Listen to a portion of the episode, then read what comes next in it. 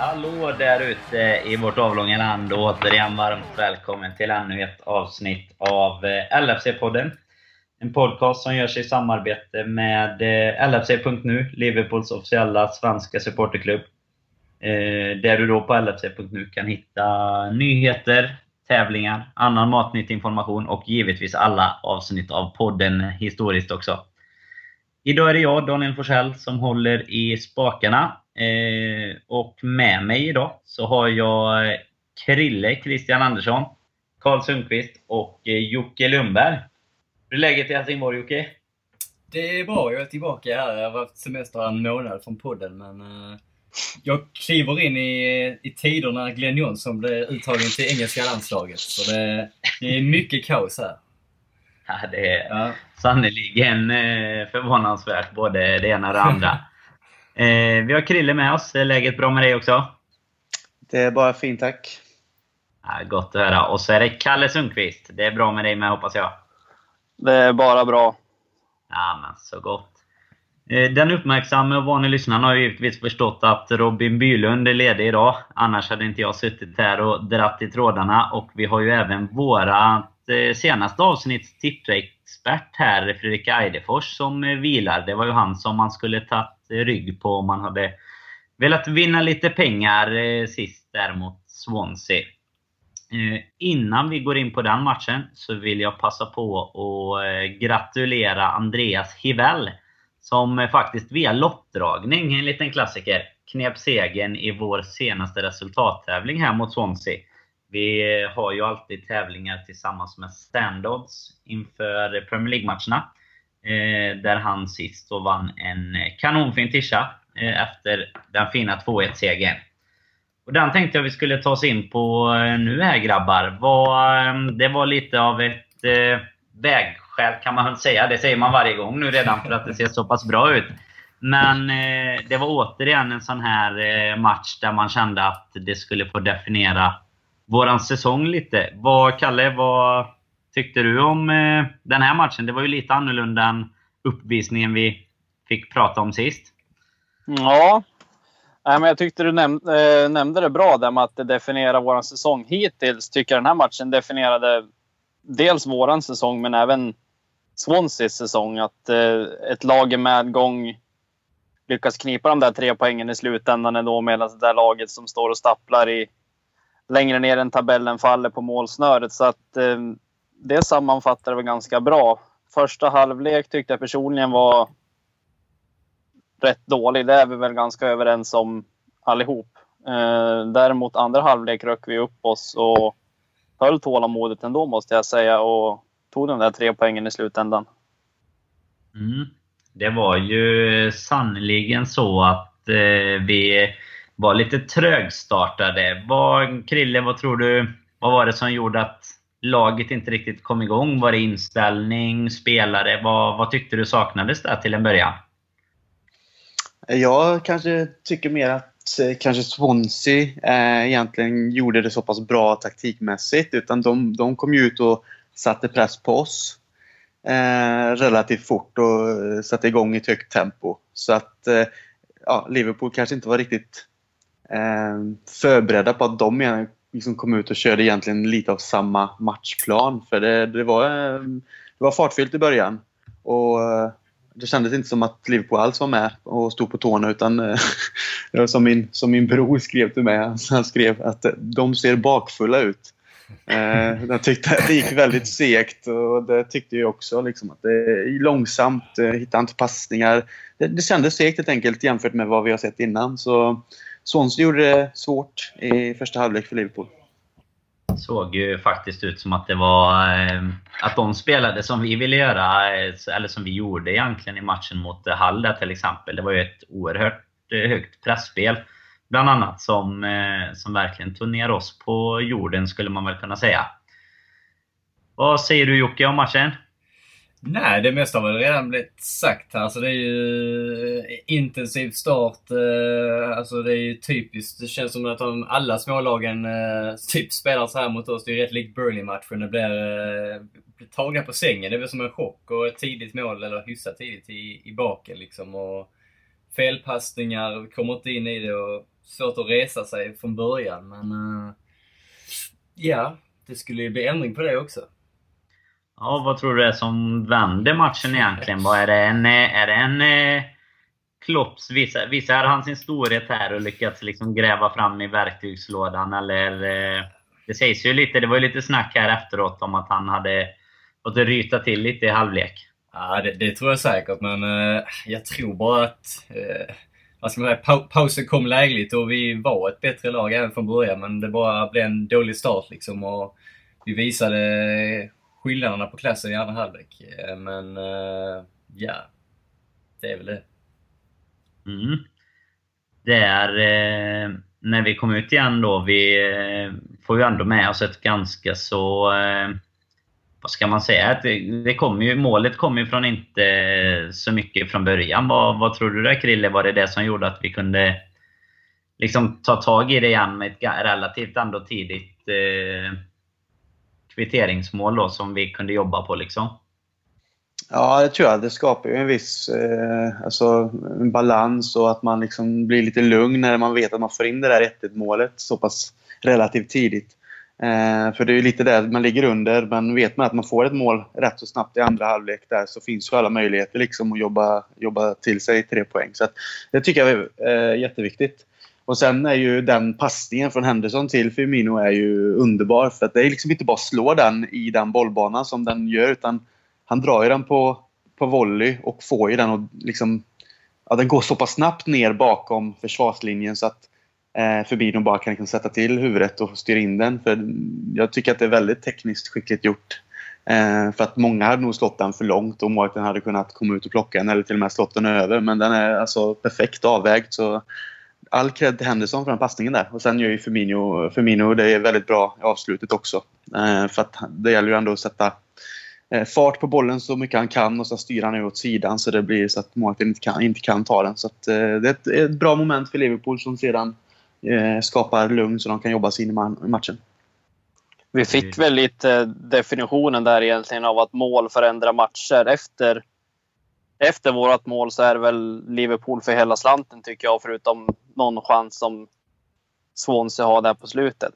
Sen ska man väl ha i åtanke också att Swansea, de spelar ju för deras managers överlevnad lite grann. Så att det tror jag var en bidragande orsak till att de kom ut så pass starkt ändå. Nu fick han ju sparken när de har skaffat en ny manager redan idag. Så att eh, eh det tror jag var en bidragande orsak också till att de, att de var så starka som de ändå var i första halvlek.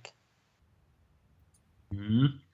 Det var ju eh, även så att man, det fick vi om inte annat se mycket på TV-bilderna. Det var väldigt mycket prat om just den eh, situationen. Men det, med all rätta här då i efterhand eftersom det precis som du säger, blev så att han till slut fick lämna här då.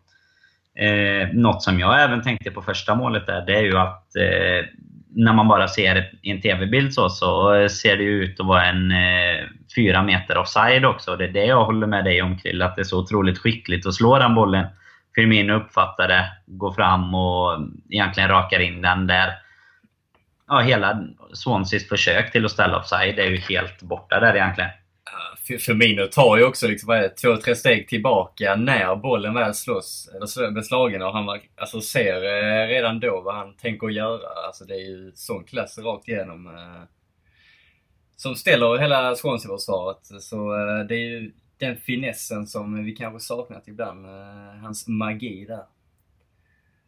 Nej men precis innan vi hoppar eh, oss framåt i matchen där. Vi fick ju även ett tidigt byte, eller mitten på första halvlek ungefär, så fick ju Lalana eh, lämna för Daniel Sturridge. Vad, mm, vad tyckte ni? Vi har ju diskuterat hans vara eller icke vara eh, ganska mycket här det sista och nu blev det väl lite som vi pratat om. Alltså det är alltid så att någon någon gång får skada sig och det är ganska skönt att kunna ha en kanske Sturridge att sätta in. Men hur, hur funkar han i spelet, Kalle, tycker du?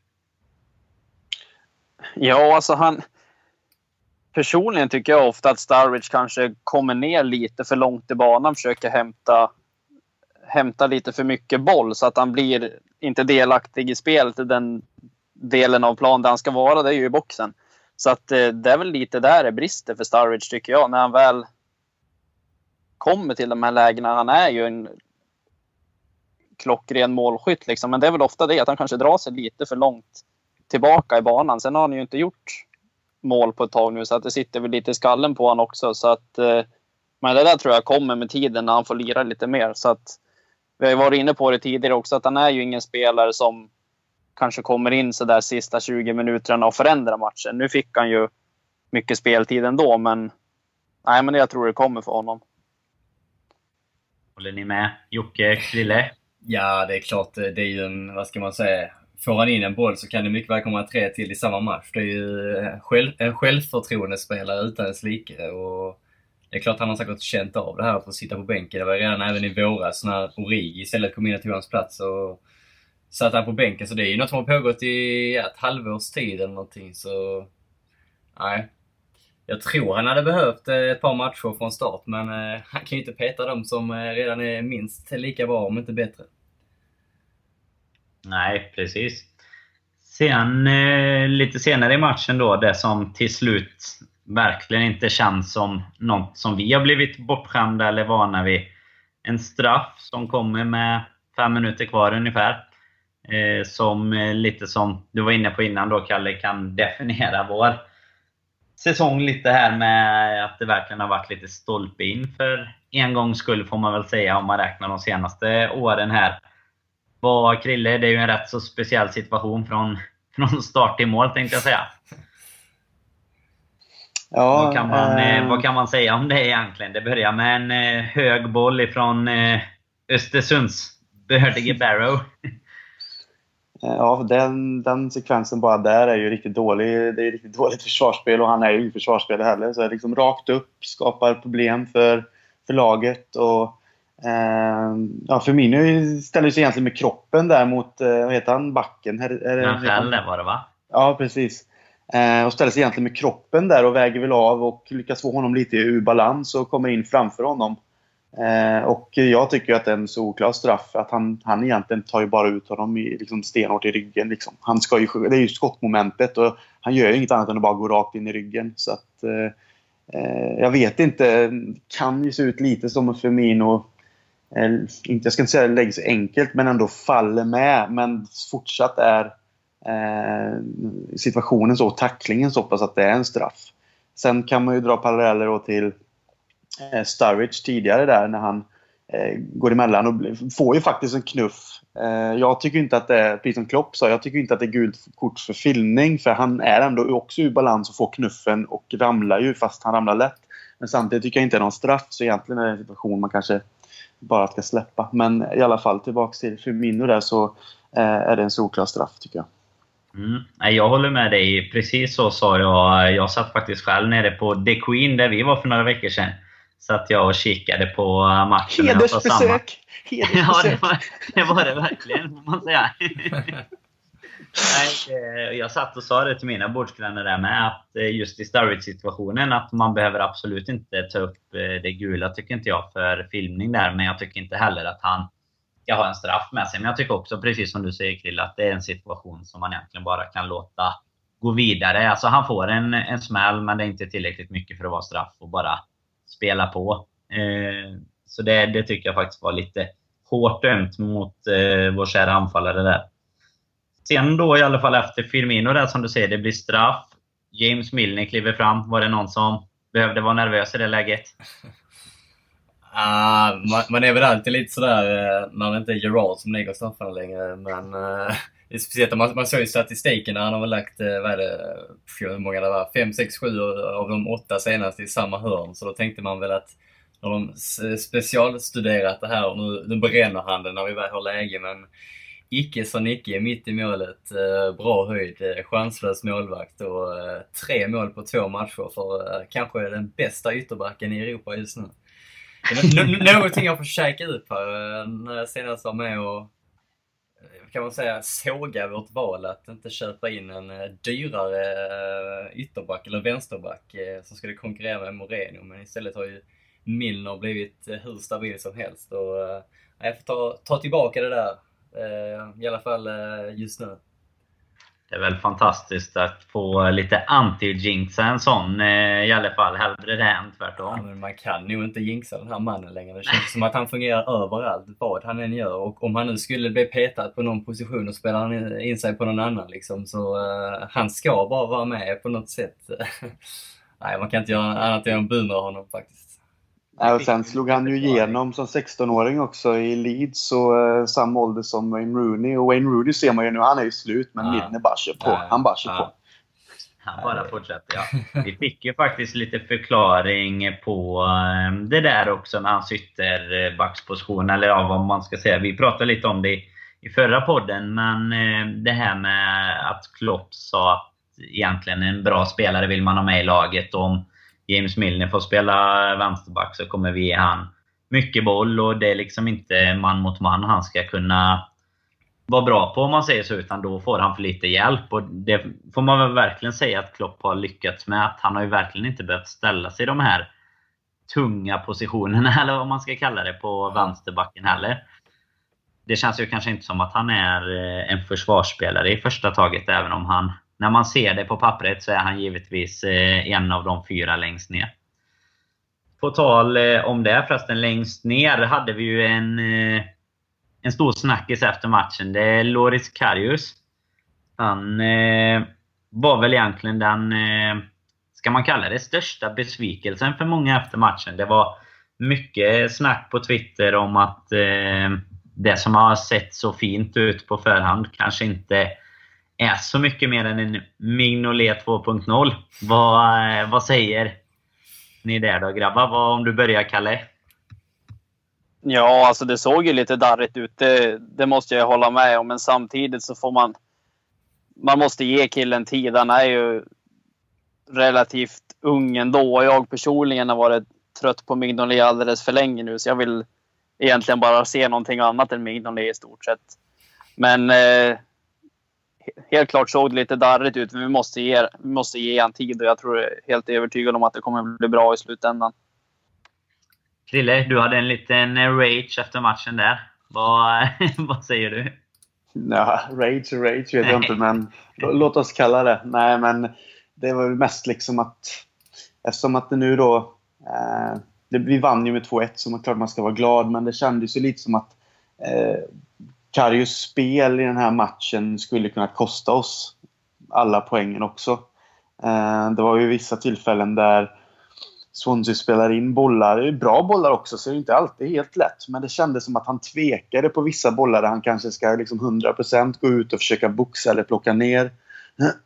eller att han liksom då tog något steg framåt och sen backade tillbaks igen och liksom jag vet inte, det var några tillfällen där det kändes som att man liksom bara, vad, vad gör han där? Varför går han inte ut och nyper bollen? Sen är det liksom kanske lättare sagt än gjort att sitta i tv-soffan och säga det som de flesta soffkommentatorerna där ute. Men, eh, men det är ju lite det här att man vi, vi suktar ju efter att se en målvakt som har pondusen, som äger sitt straffområde, som styr backlinjen och verkligen är en slags ja, ledare där bak på det här sättet. Och nu i den här matchen så tycker jag verkligen att han misslyckades med den uppgiften, tyvärr. Men precis som Kalle säger så jag tror absolut också att han har tiden för sig. Man blir liksom inte utvald till Bundesligas andra bästa målvakt efter eh, Neuer liksom, om, man, eh, om man inte är en bra målvakt. Så att, eh, jag tror att får han bara växa in i sin roll och lära sig kanske eh, ytterligare fysiska spelet som är Premier League så tror jag absolut att vi har en målvakt som kommer kunna stå länge. Men vi får hoppas ändå att eh, han får en sån där liten de Gea-utveckling kanske. Att det tar lite, tar lite tid att anpassa sig men att när han väl har gjort det så, eh, så säkrar han målet för Liverpool eh, flera säsonger framöver. Mm. Om vi eh, kikar på kort sikt då. Vi, vi kan ju nämna det att vi kommer inte gå in alldeles för djupt på det som komma skall här efter lite landslagsfotboll som följer här kommande vecka så har vi ju eh, en fin, fin match den 17 oktober här sen. Vi tar emot eh, Manchester United. Kanske den eh, mest laddade matchen på länge. För det behöver inte vara mycket mer än Liverpool-Manchester United. Men nu har båda börjat ganska bra och det finns ju absolut ett stort svenskt intresse av någon anledning på andra sidan där.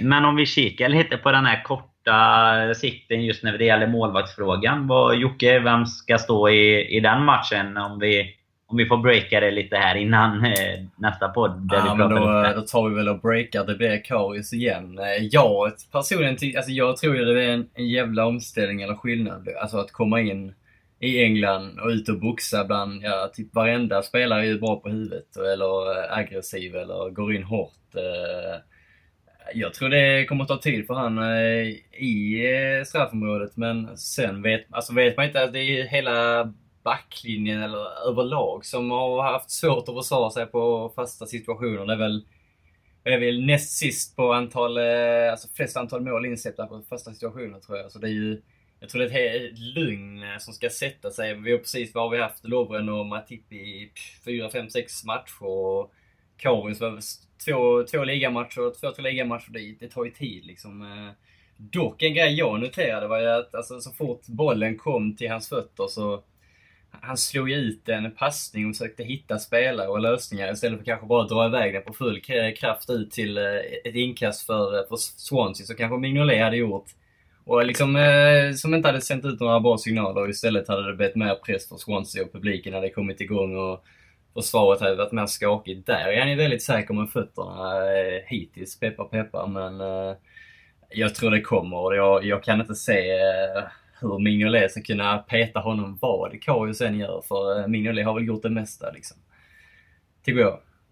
Mm en sak jag eh, tänkte lite på i senaste matchen också, det är just hans förmåga. Nu fick han inte jättemycket hjälp till en början med det på grund av sättet vi spelar på, men det här att han, det är lite Peperina-känsla när han får bollen i händerna och han vill sätta igång det jäkligt fort. Ja. Han vill liksom igång med spelet eh, på ett annat sätt än Mignolet kan också vara lite tam i de lägena kan jag tycka ibland. Eh, men som sagt, vi ska inte gå in alldeles för mycket på vad som komma skall egentligen. Eh, det som jag känner som är kvar av Swansea-matchen egentligen, det är väl att kanske ta ut lite vad som till slut i alla fall blev eh, det mest positiva att ta med sig och kanske vad vi skulle kunna behöva jobba på framåt. Om vi börjar med dig Krille, vad, vad tycker du är det mest positiva och negativa ifrån, att ta med sig från Wales och Liberty Stadium? Eh, för mig blir det positiva är väl att vi kommer ut i andra halvlek som ett nytt lag, enligt mig. Eh, om det är Klopp som har rytit till in i omklädningsrummet eller att spelarna liksom också förstår uppgiften och liksom att det här måste vi ändra på. Att man liksom man går ut i ett annat lag, eh, visar upp ett annat spel, ett annat pressspel, vinner andra bollarna nästan hela tiden. Swansea har ingenting att säga till om. Egentligen kanske har, radar upp kanske en, två chanser. Eh, som de då, eh, tur, turligt nog för oss, då, missar. Men annars, förutom det, så äger vi andra halvlek och att vi då lyckas vända eh, 1-0 till 2-1 och få med oss de eh, tre viktiga poängen då inför den stormatchen som kommer. Så det är det positiva. Eh, det negativa egentligen då, det är väl egentligen då att jag, jag gillar inte att det kanske, det hade varit skönt om eh, Karius hade fått en match där det kanske varit lite stabilare om det nu är så att han står eh, mot United så hade det varit skönt att se att han eh, att han skapat en lugn även för oss supportrar. Eh, jag kan vara lite delad där vem som ska stå mot United. Eh, det är liksom kanske säsongens största match. En av världens största matcher. Eh, det skapar ju inte mindre press för en målvakt som kanske inte hade sin bästa match dessförinnan. Så det är väl det negativa då. Men, eh, men, men kan, bara... kan, vi byta nu? Kan vi ta in Mignolet nu? Och vad sänder det ut för Nej, signal? Det, det är väl det ja. som egentligen inte... Jag ser väl inte heller att man kan göra det. Det vore jättekonstigt. Utan förtroendet måste ju Karius få och få, få växa med så att säga. Eh, så att det, det, är väl bara att jag tycker det är synd att han inte fick göra en stabilare insats mot Swansea när, det, när det är ett uppehåll däremellan och sen kommer United. Det var bättre om han hade gjort en stabil insats eller det varit en helt annan match som kommer. Men vem vet, han kanske gör världens supermatch mot det, dem. Och då, det kommer ju bli en del tyngd mot United där i, i straffområdet. Jag tror det var Robi som tog upp det i sin krönika också med Fellaini och Zlatan och allt vad de heter som kommer ju trycka rätt mycket fokus på Karius där sett i förra matchen. Så det, det kan han ju säkert bli skakig för också som du säger. Mm, mm. Sett till deras förra omgång, eh, inte nu sist då, utan eh, där mot Leicester, så eh, visade de ju sannerligen att de kan vara farliga på fasta situationer. Men jag tror det var tre eh, mål som kom efter hörnor där och det har ju inte varit våran eh, starka sida. Men eh, mer om det givetvis i nästa vecka här. Jag tänkte, eller förresten angående Swansea-matchen grabbar. Är det någonting som ni känner att vi har missat? Eller något som ni, någon vill lyfta upp det sista här? Nej, jag tycker Krille sammanfattade det ganska bra där. Um... Mr Reliable, ja. Eller? ja, men det ja. kändes lite så. Jag tänkte fråga de andra med, men så kände man att nej, men det, Krille satte den där. jag stal den. Nej, det, det är helt lugnt. Eh, jag tänkte lämna eh, till dig lite här Jocke. Jag tänkte att du ska få vara lite expert här. Eh, du ehm, har ju läst in dig lite på arenasituationen här. Det kom ju också upp lite ehm, snack. Det var väl eh, i fredags tror jag, eller om det var i torsdags, eh, som John Henry gick ut och, eh, och pratade lite kort om ehm, kommande utbyggnader. Vi har ju nämnt Mainstand eh, och pratat mycket kring det. Sen har ju planen varit eh, att bygga ut även Anfield Road End. Men du får uppdatera oss helt enkelt på den senaste situationen där. Ja, det är ju... I fredags var det, det var John Henry som gick ut och, och sa att eh, de inte riktigt vet om de kommer eh, renovera även Anfield Road-läktaren eh, på grund av eh, vad han anser sig vara anledning till eh, biljettpriserna. Att det kan eh, komma och... Det som vi alla vet, det var ju en protest där mot Sunderland var det väl i... När vi ledde med 2-0 och tappade till 2-2 när eh, fans fick nog lämna DeCorp och hela Anfield. Det var 20 000 kanske som lämnade. När var det? I februari var det va? 77 minuten. Jag var en av dem. Ja. Krille ja. lämnade i... Eh, förbannad Krille lämnade. Uh, nej men det var ju där det verkligen... Uh, det, för de fick, satte ju ner foten för egentligen hela Premier League och hela, alla engelska fans. Uh, och fick ett... De, vad, vad det slutade väl med att de frös biljett priserna på bortamatcherna mm. var 30 pund och lite andra grejer och samtal med att förbättra allt för supportrarna. Och nu menar ju då eh, John Henry att eh, det kan komma att sätta käppar i hjulet för en uh, renovering av även Anfield Road för att, uh, ja, vad ska man säga? Det... Han säger helt enkelt att uh, jag vet inte om nästa steg kommer att genomföras eftersom biljettpriserna är en, problem i England. Vi får vänta och se. Mm. Så det, det är svarat på många, mycket mer frågor än så, men man kan ju tolka det på många olika sätt. Det är ju 4800 stolar extra som har blivit planerade, eller som man trodde skulle komma extra här, men nu ser det verkligen inte ut som att det blir någonting. Jag vet inte vad ni känner, vad ni tror, vad, vad sänder det ut för signaler? Är det, är, kan han skylla på biljettpriserna? Jag menar vi har 20 000 eh, supportrar som står uppe på en väntelista som nu blivit stängd för eh, liksom, säsongskort på Anfield. Vi har ju eh, vi har väl en per, vad är det, en sjättedel eller en, eller en sjundedel som eh, söker biljetter och får biljetter här. Eh, det är ju väldigt eh, många som missar. Vi hade ju kunnat sälja ut 80 000 varje vecka. Är biljettpriserna verkligen ett sånt stor, stort problem? Kan vi vända det, eller kan ägaren vända det mot oss och ha det som anledning till att inte liksom, renovera läktaren? Vad, vad känner ni där? Jag känner väl personligen att eh, det aldrig egentligen kan bli en anledning. Sen att det är ett problem, det kan han väl ha helt rätt i. För att det är ju väldigt mycket fortsatt diskussion om det. Men om man bara ser kontentan av att skulle vi bygga ut med, med drygt 5000 platser och behållit samma eller dyrare biljettpriser så hade de sålts ändå. Även om inte någon av oss hade tyckt att det var roligt om det blev dyrare. Men eh, precis som du nämner, 20 000 som, som väntar bara på säsongsbiljett. Och jag vet inte hur många, om det räcker med, med fem siffror eller sex för att räkna ut hur många som egentligen vill ha biljetter till varje match hela säsongen. Ja, man, man får ju ändå lite vibbarna att, eh, som vi snackade om, det var väl även här eh, i slutet av eh, augusti när transferfönstret stängde, alltså med ägarna som helhet. Man får ändå lite vibbarna att de, vad vill de egentligen? Vill de eh, alltså fortsätta här i fyra fem år till eller vill de inte det? Man tycker ändå att de kanske hade även eh, renoverat den här läktaren. De, nu hade, de sänder inte ut signalerna för att de vill for, fortsätta, eller vad man ska säga. Det var ju som, eh, jag läste någonstans, det var de menar på att eh, den här mainstand-läktaren vi nu har, att eh, liksom FSG lånade, kan man säga, ut pengarna till Liverpool. Som de sedan får betala tillbaka genom att sälja biljetter och så vidare. Men även alla sponsorer som har fått loger och sådant. Det kommer ju inte att finnas loger på Anfield Road. Utan det är ju 4800 Liverpool-fans på stolar alltså.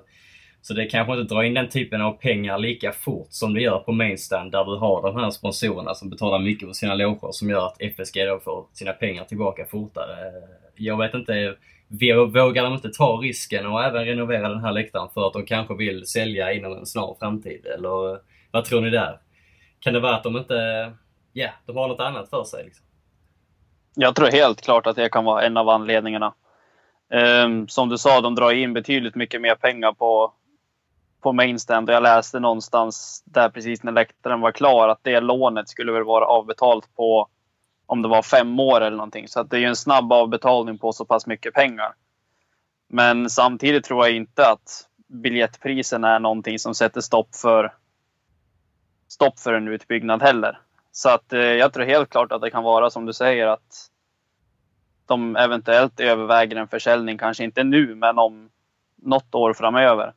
Så att eh, jag skulle inte vara förvånad alls om det var fallet. Ja, vad, vad, vad, känner du Krille som, som var en av de som lämnade här och vad känner du om allt överlag med biljettpriserna och ja, som helhet? Uh, ja, alltså, det är flera andra med mig men man har ju den lyxen att ha biljetter till varje hemmamatch varje säsong i och med sitt medlemskort som jag har byggt upp all kredit på under årens lopp. Som när jag var bott i England och även fortsatt köper nu då. Så det är ju, det är ju en del pengar man lägger ut varje säsong eh, för att ha de platserna. Eh, sen är det ju en kompis till mig i Liverpool som har kortet liksom som löser åt mig men det är ändå liksom jag vet inte, jag är, fort, jag är lite så gammaldags av mig. Jag, jag tycker ju att det är en eh, arbetarklassport som inte ska eh, vara dyr och att det vanliga folket ska liksom bli priced out så att de inte kan gå liksom på, på matcherna. Eh, jag har full förståelse för att fotbollen idag lever på turismen. Liksom att sådana som vi och från andra delar av världen liksom kan åka över och spendera mycket pengar liksom i supportershoppen och vi bor på hotellen i staden och vi äter på restauranger och går ut. Så att det gynnar ju Liverpool som stad, det gynnar Liverpool eh, fotbollsklubb liksom. Men ja, jag, jag vill ju liksom inte att det ska bli dyrare. Jag tycker att det redan är för dyrt för den gemene eh, mannen i Liverpool som eh, jobbar hårt kanske och har en hel familj som vill gå på fotbollen. Eh, eftersom att de oftast så är de flesta i familjen fotbollsintresserade och ofta håller de på samma lag också. Även om det finns splittrade familjer som är röda och blåa. Men ja, jag gick ju egentligen alltså, i 77 minuter först och främst för att jag själv tycker att höjda biljettpriser är fel.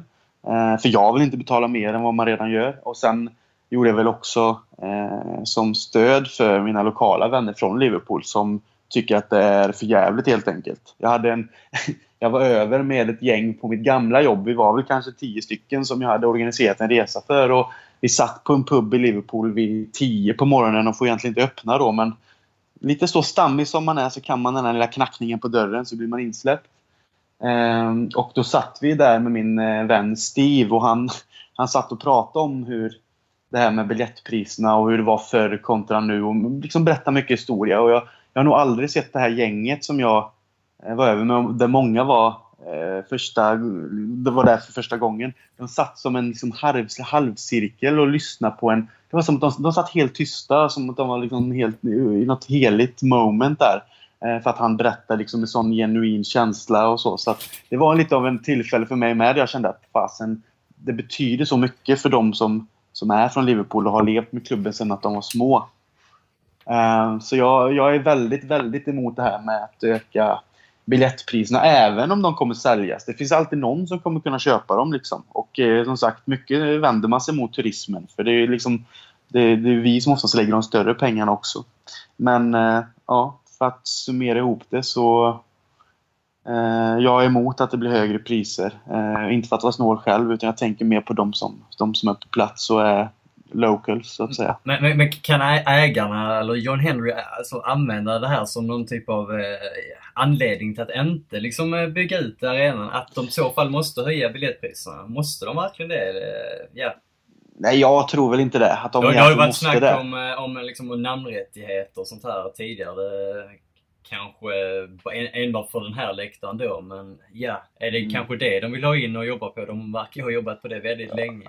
Det... Ja, jag tänker att allting är, det är ju alltid money talks ja. tiden vad du än pratar om i fotbollen så att säga. Men jag tror inte att det är så att de eh, behöver höja biljettpriserna. Liksom, det kommer vara utsålt varenda match ändå. Visst, det kanske tar längre tid att betala av, men eh, jag ser ju hellre eh, den här möjligheten att med ännu större läktare så tar Liverpool ett ännu större kliv mot det som förhoppningsvis komma skall med en klubb som återigen eh, når toppskiktet. Vi har liksom Jürgen Klopp som var en av ja, Europas mest eftertraktade managers innan han faktiskt valde oss. Och det har han ju själv sagt att Liverpool var det enda alternativet just eh, där och då för honom.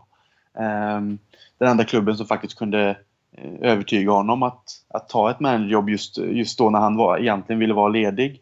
Eh, vi ser ju nu att det verkar bära frukt också. Hans filosofi, hans sätt att spela, att han har den entusiasmen. Spelarna verkar älska honom. Milner gick ju ut i en intervju eh, idag om det var och sa liksom att, ja, att det är speciellt att spela under Klopp men han är en av de bästa jag har tränat under. Då har han ju tränat under fan, ett 20-tal managers under sin karriär.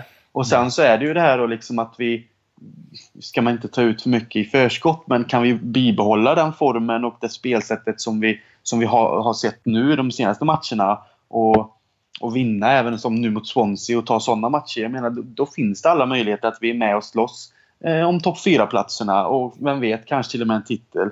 Och varför ska man inte då bygga ut läktaren och etablera Liverpool som en ännu större klubb med ännu större läktare där fler fans kommer plats så att man någonstans gör ett statement att vi är på väg att bli stora igen liksom, eh, och ligga på den nivån vi ska. Helt, helt klart. Vi ska även poängtera att det är då Liverpools supporterunion Spirit of Shankly som har kommit med det här uttalandet och de säger ju även att eh, inte en enda gång under diskussionerna om biljettpriser med Liverpool, alltså klubben och ledningen, så har de någonsin sagt att eh, biljettpriserna skulle kunna liksom, sätta käppar i hjulet för en, en renovering av Anfield Road. Så det är verkligen någonting som kommer nu, eh, precis när Mainstand blivit kvar, eller klar, att, eh, att det kanske inte kommer att hända. Eh, jag vet inte, Kalle, du var ju på plats här mot Leicester. Eh, det var väl till och med på Mainstand det nya eh, satt och stod, eller vad du gjorde? Eh, tyckte du inte att stämningen alltså, höjt sig några snäpp? Jag tycker i alla fall det om man får avgöra från TV-ljud här mot, vi har mött Leicester och, och Hall hemma. Det känns bara som det har ökat någon eh, nivå. Vad tycker du? Jo, men det har det ju. Så är det ju. Det är ju Sen tycker jag även, jag sa ju det i podden där... Och, och tänk då liksom om United, mot United om två eh, veckor här. Det är ju den matchen och de matcherna som kanske är extra krydda också. Och jag, jag förstår inte varför man inte skulle vilja ha ytterligare 5000 eh, in där. Liksom. Nej, nej, men så är det ju. Det är ju. Jag personligen upplevde nu när jag var på plats att eh, Mainstand liksom hänger med mer i, i stämningen än vad de kanske har gjort tidigare. Och det är ju, det var, trots att jag satt tredje raden längst upp liksom, så var det ju jävligt bra drag där. Så att helt klart så kommer det ju bidra till, till atmosfären på plats om man skulle bygga ut ännu mer. Det behöver man ju inte vara någon hjärnforskare för att räkna ut i och för sig. Men nej, men så är det ju. Helt klart. Det är ju verkligen något man har saknat kan jag tycka med när man är på plats. Just att man vill ju ha med hela arenan. Så är det ju vilken arena du än går på. Kan det leda till att, eh, som nu då, som du, du nämnde i den podden där Kalle, att eh, det var så pass mycket bättre det, kan det hålla mot, som ni ser, Leicester och Hull så, så blir det riktigt fint att se. Och givetvis, när det går så här pass bra som det gör för oss så kommer det ju bara öka på den eh, stämningen och atmosfären. Det såg vi ju både det 13-14 eh, och även egentligen lite Europa League och så där, eh, där flera av oss var på plats förra året. Då. Det enda negativa egentligen från nya Mainstand var att där uppe där vi satt ser man inte matchklockan. Eh, så man har ju ingen aning om vilken tid det är i matchen. Nu var ju relativt klart att vi skulle vinna matchen, men skulle det stå 2-1 och det skulle närma sig 90. Då skulle man ju sitta där uppe och bita av naglarna. Så att det, det var det enda som var lite frustrerande egentligen, att man inte ser matchklockan. Du får göra som domaren och ha en sån klocka va? får klocka bara som domaren. Ja, den går sönder på puben. Ja, men vi har ju, vi har ju till exempel ett West Ham. De har ju till och med en större arena nu. Nu säger jag inte att de är en konkurrent som Manchesterklubbarna, Manchester-klubbarna Chelsea, Arsenal och Tottenham kanske. Men det sänder redan ut lite signaler. De har en arena på 60 000. De fyller kanske inte den varje vecka, men de gjorde ju så att de sänkte ju sina biljettpriser till, vad var det? säsongskort för kanske 250 pund och biljetter från 20 och sånt för att försöka fylla arenan liksom. Eh. Eh, jag förstår inte liksom ännu en gång eh, varför man skulle behöva öka priserna när det, det funkar, funkar i Tyskland, det funkar ju på många ställen. Jag, eh, ja.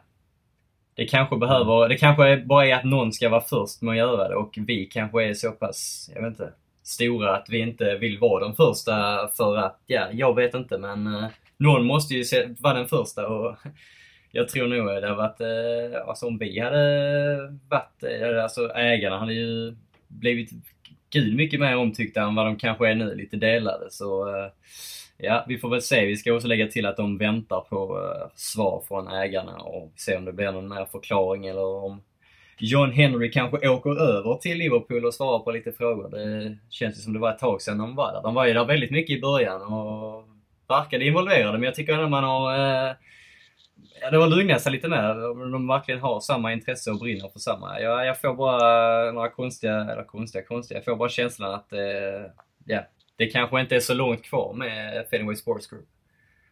Jag tycker det är dags faktiskt att ställa honom mot väggen och bjuda in honom till podden här. Det, det vore något, kan vi säga. Det hade varit, det hade varit heders... Eh, ja, faktiskt. Vi får väl se om han... Eh, vi har lagt ut krokarna några gånger. Vi får se om han kommer här snart.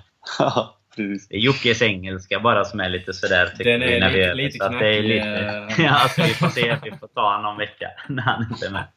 Nej, vi kan väl egentligen avsluta just den arenafrågan där med att och, um, säga det återigen, det som du nämnde lite kort Jocke, att Spirit of Shankly har ju faktiskt bett i sitt så att säga öppna brev här, eller sin kommentar eh, om detta, att eh, de vill att ägarna liksom ska klargöra vad, vad intentionerna för detta bygget är. Och ehm, att de vill att de ska tänka på den långsiktiga framtiden och, och förmånen för LFC helt enkelt och för supportrarna.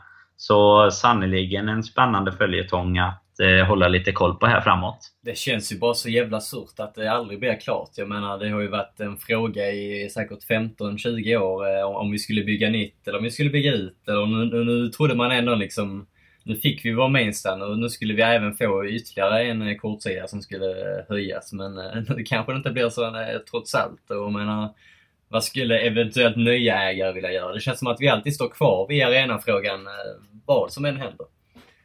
De sätter, nya ägare sätter alltid spaden i marken inom 60 dagar, det vet du väl? Som George Gillette en gång sa. ja, den spaden står kvar fortfarande i Stanley Park. Eh, vad blir det? Nio år senare. Lite, ja, mer, lite mer rost, men... Eh, ja, det är också en klassisk... Den gick, den gick av, han hade köpt den billigt. Eh, jag tänkte grabbar här, Krille var lite inne på snacket här, Milners uttalanden om Klopp och så. Det är faktiskt bara några få dagar kvar här till eh, Jürgen eh, firar sitt första år som Liverpool-manager. Han eh, inledde ju med ett kryss borta på White Hart Lane. Det var faktiskt undertecknad här och kikade på hans eh, debut eh, i London. Men om fyra, fem dagar här någonting om jag har kikat rätt så är det exakt ett år sedan. Och jag tänkte att vi kan ju vara lite sentimentala här och se vad är våra, egentligen våra bästa eh, minnen från första året här. Och också lite vad vi egentligen tycker om vi sammanfattar hans första år. Om vi skickar bollen till, eh, till Norrland och till Kalle Sundqvist. Ja, alltså egentligen direkt när vi spark eller vi och vi, men när Liverpool sparkade Rodgers och, och det började snackas om Klopp, då... Så exalterad har han nog inte varit på väldigt länge. Så att, Någonsin i hela livet. Nej, det är fan sant. nej, men eh, så att eh, jag är ju jäkligt nöjd med, med första året med Klopp på, av många anledningar egentligen. Dels för att han är en sån jäkla skön karaktär. Sen tycker jag att vi, vi börjar spela en vägvinnande fotboll som, som jag tycker om att titta på. Um, så att, eh, och sen jag tror att vi kommer kunna ta oss långt med honom också. Att vi jobbar, alla jobbar åt samma håll. Någonting som vi har saknat tidigare tycker jag. Ehm, men bästa minnet egentligen under det här året måste jag säga när vi, när vi ett gäng här i podden var över på semifinalen mot Villarreal förra året. Ehm, det är väl mitt bästa minne egentligen under Klopp. Det var en jävla tillställning som han mm. avslutade där på planen. Ja, det var eh, inte alls dumt. Vad säger du Krille? Vad tycker du om, om Jürgen Klopps första eh, år så här i Liverpool? Eh, nej, man kan inte vara annat än nöjd. Jag menar, jag var också eh, helt galet glad när eh, ja, då, att Rodgers fick gå var jag inte glad över så på det sättet, men jag var ju glad att eh, det sen var Klopp som det ryktades eh, mest om och att han sedan blev klar. Man kände ju direkt att det är också ett statement av klubben att man tar in en manager som faktiskt har bevisat lyckats och har en spelfilosofi som, som Kalle sa, som både eh, har visat sig vinna matcher och eh, mästerskap men som också är väldigt trevlig att titta på som supporter. Så att, eh, Eh, ja, jag var superglad och är jättenöjd eh, över hans eh, första år. Även om vi kom till två finaler och inte vann eh, någon pokal så var det ändå ett bevis på att eh, här finns någonting att bygga vidare på. Och jag vill väl egentligen höja fram Eh, då är väl kanske Chelsea och City borta för säsongen när vi slog dem. Och sen även Norwich-matchen borta. När Lallana gör målet i slutet och alla spelare kastar sig över Klopp i en ren och skär eh, ja, lyckorus bara. Hans glasögon flyger höger och vänster och folk liksom, fan, de klär nästan av sig nakna där, en jävla orgie på plan. Men, det, men det, det, är just den känslan, man, man, ser ju inte det med någon annan manager. Man kan se lite vet, uh, klapp och applåder och det är liksom ändå okay, lite, lite närkontakt. Men han verkligen, han vill verkligen bara, jag vet inte, få alla att känna sig som en stor jävla familj och kramar om varenda spelare. Liksom verkar vara man ska, det finns ju många som säger här att man kanske inte ska vara kompis med spelare, men han verkar vara den där goda vännen som alla bara tycker om. Den här personen som höjer stämningen på festen, typ. Det har ju i stort sett blivit en egen hashtag där med Klopp Hugs när han går runt och delar ut eh, krama till höger och vänster efter, eh, efter matcherna. Det var ju någon video här i början på säsongen där de kom upp i 12 stycken eller något. På en liten kort wine på Twitter eller något sånt. Ja, nej, så att eh, det här första året har varit grymt och det är så kul att se allt det här. Att, och det är varje match med att han är så igång och har den energin och att det är de här kramarna och han får... Det känns verkligen som att laget är i harmoni under honom. Så att det är väl bara att liksom fortsätta på den inslagna vägen och bara hoppas att eh, det bygger vidare uppåt, framåt och att det är Klopp som är kvar under många, många säsonger framöver. Kanske kan bli våran Wenger eller Ferguson om man får säga så. Jocke, vad ställer du dig i hyllningskåren eller längtar du tillbaks till de fina dagarna under Roy Hodgson runt 2010? Det var min peak i England. Det var underbara tider. Northampton och Christian Poulsen. Northampton i, ligacupen. Då stod du väl på det Coop-Krille och bara njöt. Gjorde inte ja. det? Aspackad var jag.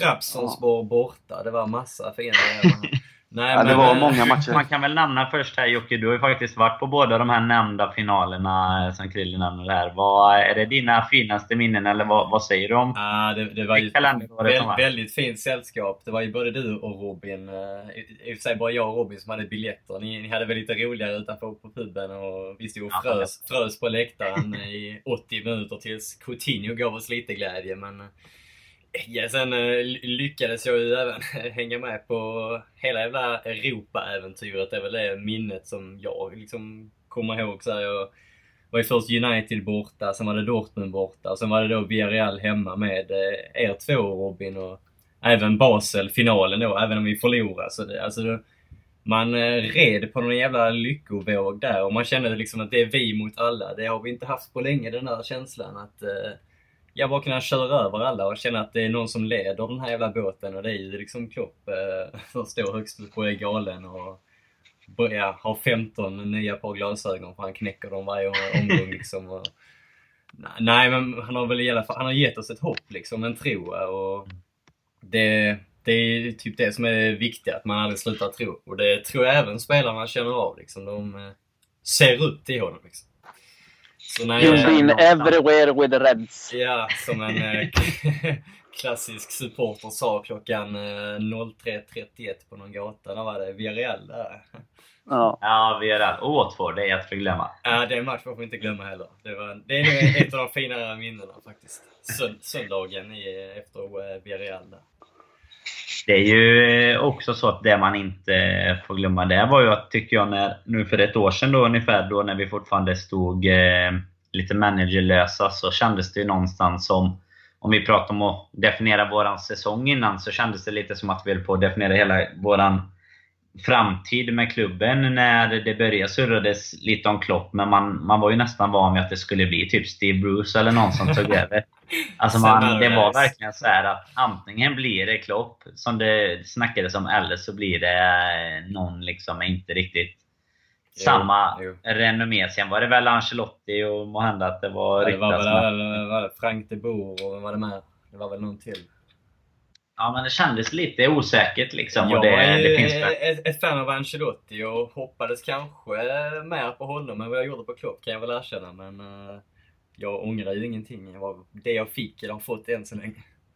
Det känns ju inte som att det finns någon Liverpool-supporter som gör det idag. Jag tror att om man jämför med hur det var med Rodgers eh, i slutet och under lång tid med Rodgers att eh, hela lägret var lite delat. Eh, vissa var liksom Rodgers out, vad som än hände. Och med Klopp känns det ju inte som att det egentligen är någon, vad ska man säga, osämja mellan supporterleden eller fans eller för den delen presskår. Jag tror att de flesta älskar eh, Klopp egentligen och älskar honom ännu mer efter hans framträdande i, i Sky här. Han är ju bara totalt älskvärd den gubben alltså.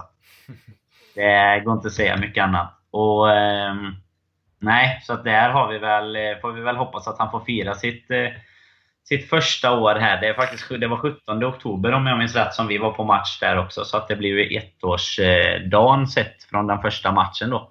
Och det har väl sannerligen gått framåt får man säga.